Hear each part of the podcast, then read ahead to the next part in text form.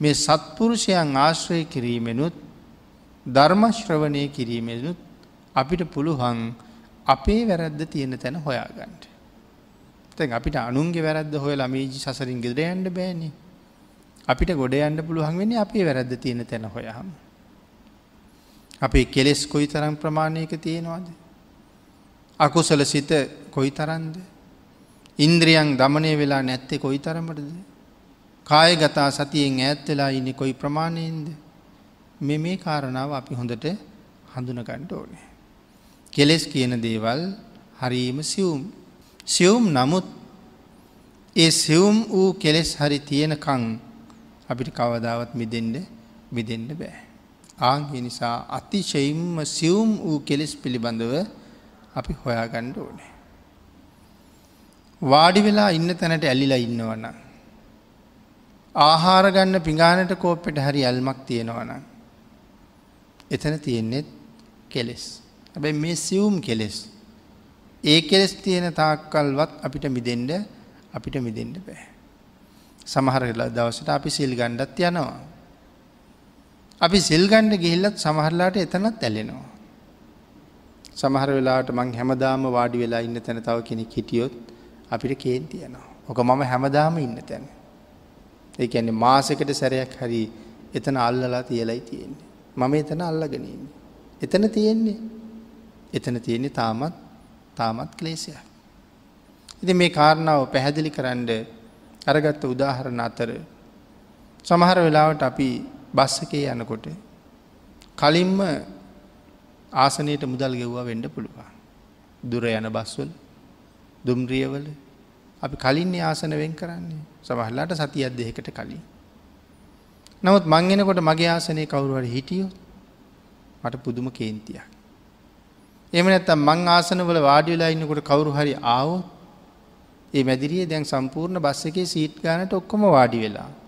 තව කෙනෙක් නැංගහම අපි චකිතයක් ඇතිවෙන කොතනින් ඉඩක් දෙන්න වෙයිද කියලා. පොදු බස් එක යනකොට පූජ්‍ය පක්ෂය වෙනුවෙනුත් වෙන්කරපු ආසනයක් තියෙනවා. හැබැයි පූජ්‍ය පක්ෂය කෙනෙක් ගොඩ වෙනකොට වාඩි වෙලක හිටපු කෙන නැගිටින්නේ ශ්‍රද්ධාවෙන් කැමැත්තෙන් නෙමෙයි. කෙලෙස් සහිතව ඔහුට එතන දෙන්ඩ වෙච්ච නිසා දේශ සහගතව තමයි නැගිටින්නේ. එතකොට ඒ තියෙන්නේ කෙලෙස්. මොකද ඒ වාහනේ තියෙන ඒ ආසනෙත් මම අල්ලගෙන. එක මගේ ආසනය ඒකට ම මුදල් ගෙවල තියෙන්නේ. මේ තියෙන්නේ සියුම් කෙලෙස් එහෙනම් මේ වාඩි වෙලා ඉන්නේ පව්කන්දක් මත මිසක් කුසල් කන්දක් උඩ නෙමේ. ආං ඒ ආසනෙත් අතෑරල නැගිටින්ට පුළුවන්කම තියෙනවනං අපිට මේ සසර අතෑර ගණ්ඩත් හරි පහසු ඉතින් මේ කණ බොන පිඟානත් අල්ලගෙන වාඩි වෙන තැනත් අල්ලගෙන පොරවන දේවලුත් අල්ලගෙන ඇදම් පුටු කොට්ටත් අල්ලගෙන මේ සසරින් එහෙම මිදෙන්ට බෑ එහෙන තාම මෙව්වා අත්හරින්ට බැරිකම නිසා නේද මේ අල්ලගෙන ඉන්න කියන කාරණාවට එතකොට යන්ට ඕනේ.